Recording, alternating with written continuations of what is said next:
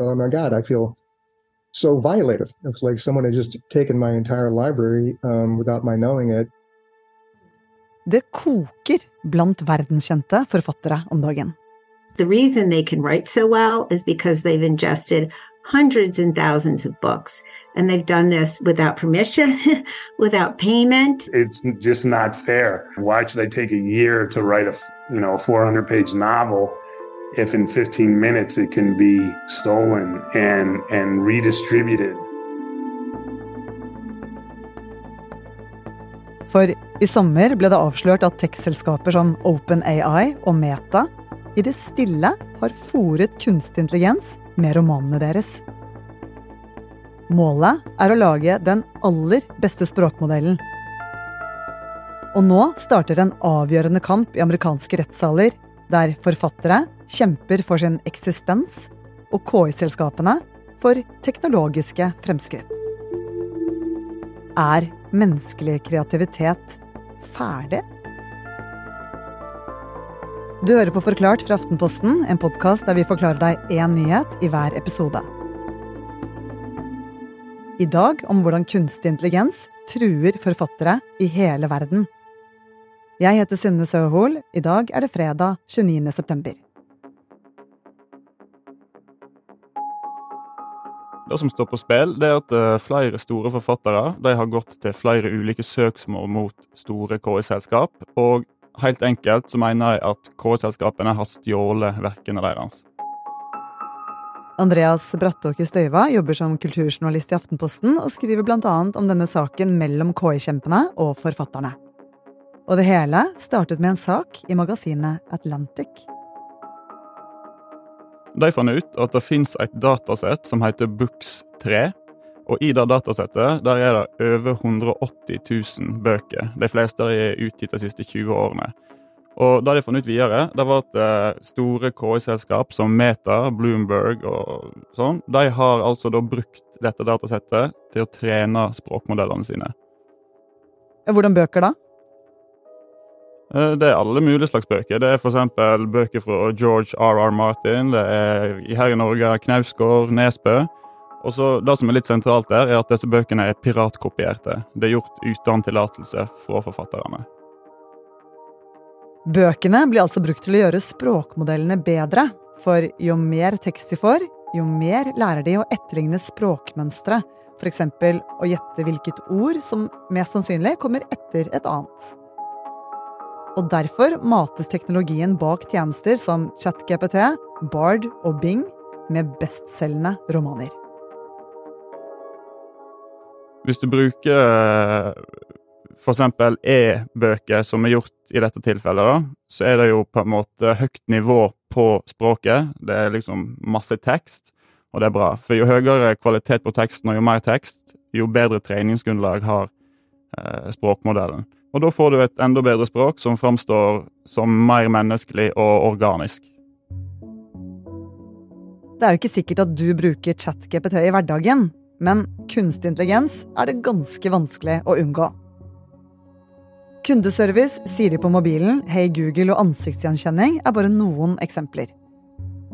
Og takket være skjønnlitteratur fra hele verden blir språkmodellene bare bedre og bedre.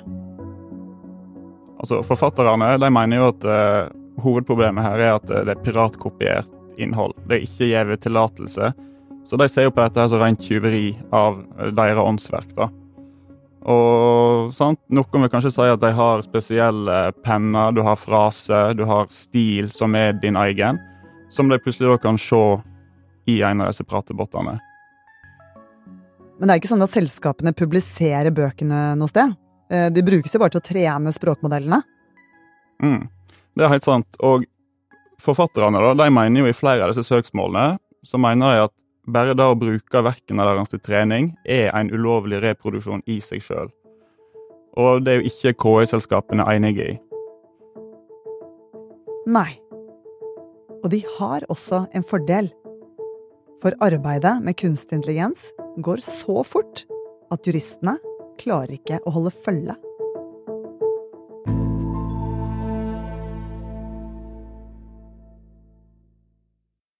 Andreas, hva sier egentlig KI-selskapene? De mener at eh, måten de bruker verkene til forfatterne på, faller inn under noe som heter fair use i USA, eller rimelig bruk her i Norge, som åpner egentlig for ei avgrensa gjengjeving av en tekst. Altså det vil si at uh, det er lov å gjengi en viss mengde tekst fra et hvilket som helst verk? Ja, altså KI-selskapene argumenterer i alle fall for det. Men likevel, nå foregår det mange rettssaker og søksmål fra forfattere i USA. My books have been taken and I didn't even know about it. I wasn't asked about it. I didn't approve it. These authors see it as a huge threat to their livelihoods. Now Right. so cheap and easy and accessible to create this AI generated text. There are tools that will let you create book length AI generated text. There are tools that will let you create text in the style of other writers. Og spørsmålet er om det KI-selskapene nå gjør, bryter med opphavsretten. Det er vel det en prøver å få klarhet i nå i flere av disse sakene som går i USA. Men det er ikke bare amerikanske forfattere som føler at kunstig intelligens stjeler arbeidet deres.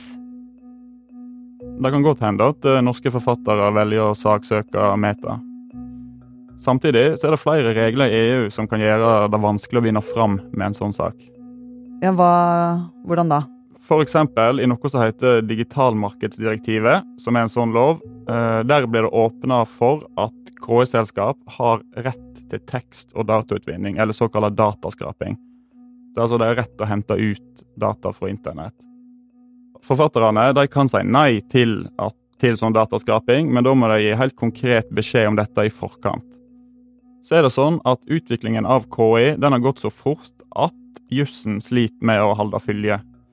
Eh, og lover som ble trådt i kraft bare for noen år siden, de har ikke noe om KI i seg. Kunstig intelligens utvikler seg altså raskere enn det jurister klarer å lage nye lover. Men nå jobbes det med å lage en ny lov i Europa. Eh, Det er først og fremst en lov om produktansvar som stiller krav til ulike KI-tjenester basert på en sånn risikovurdering.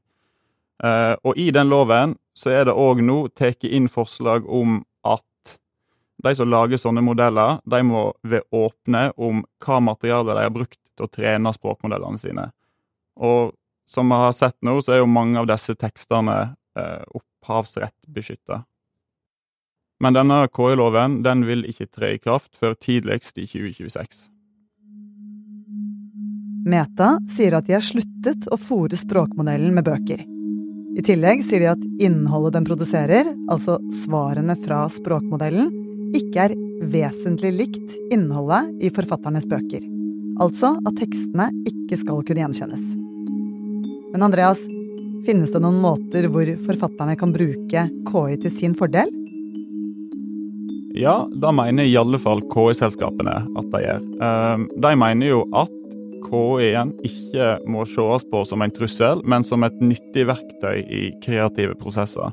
Så jeg mener jo at forfatterne må bare lære seg å bruke dette her på en måte i arbeidet sitt.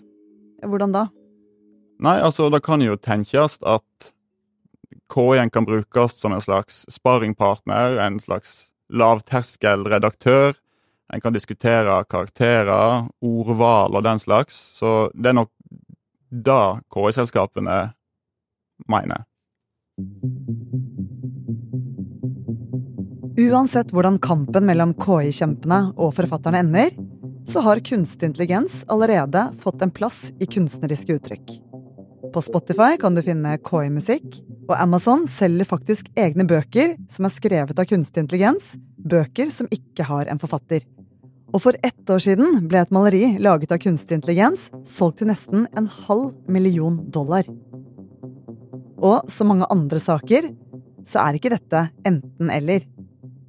Da TV kom, eksempel, så var mange helt sikre på at radio ville forsvinne. Og debatten vi har nå med klima og naturvern, så er det ikke sånn at vi enten bare satser på vindmøller, eller at vi bare tenker på å verne naturen. Men hvor grensen for hvor langt KI kan gå nå, avgjøres i amerikanske rettssaler. Det er jo både forfattere og KI-selskap som ønsker å løse dette her med dialog. Men så er det jo sånn at det er flere søksmål som allerede er i prosess. Og viser det seg at forfatterne vinner fram med noen av disse søksmålene for, som går på brudd på opphavsretten, så vil en trolig få klarhet i hvor grensene går, og hva som er greit og ikke å gjøre. Og Det vil jo selvsagt igjen føre til innstramminger og gjøre det vanskeligere og dyrere for KI-selskapene å skaffe seg treningsdata. Med andre ord, hvis forfatterne vinner denne kampen, så vil bøkene deres og opphavsretten bli beskyttet fremover. Men på den andre siden, hvis KI-selskapene ikke kan trene modellene sine med andres tekster, så vil utviklingen for kunstig intelligens gå treigere og bli, litt forenklet, dummere. Og akkurat det har vi faktisk laget en hel episode om tidligere, som du kan søke opp om du vil. Men Andreas, hva betyr det, da? Og Da vil trolig bremse utviklingen ganske kraftig.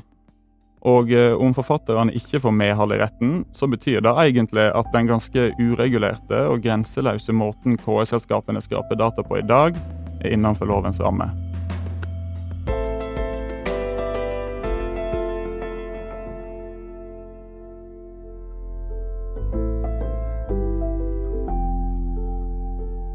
Du har hørt en podkast fra Aftenposten.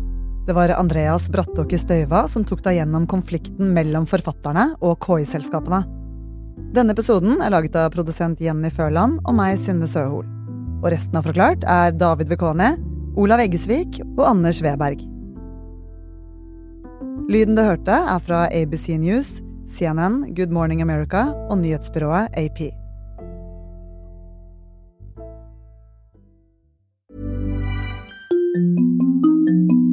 Hei, jeg heter Harald Eia, og hva heter du for noe? Eh, Jeg heter Nils Brenna. Og vi, Nils, vi driver en podkast sammen. Hva gjør vi der, Nils? Du, der lar vi folk ta en personlighetstest, og så analyserer vi dem etter det. Det er sjokkerende morsomt, det er sjokkerende underholdende, det er sjokkerende lærerikt for deg som hører på, for å skjønne hvem du er også.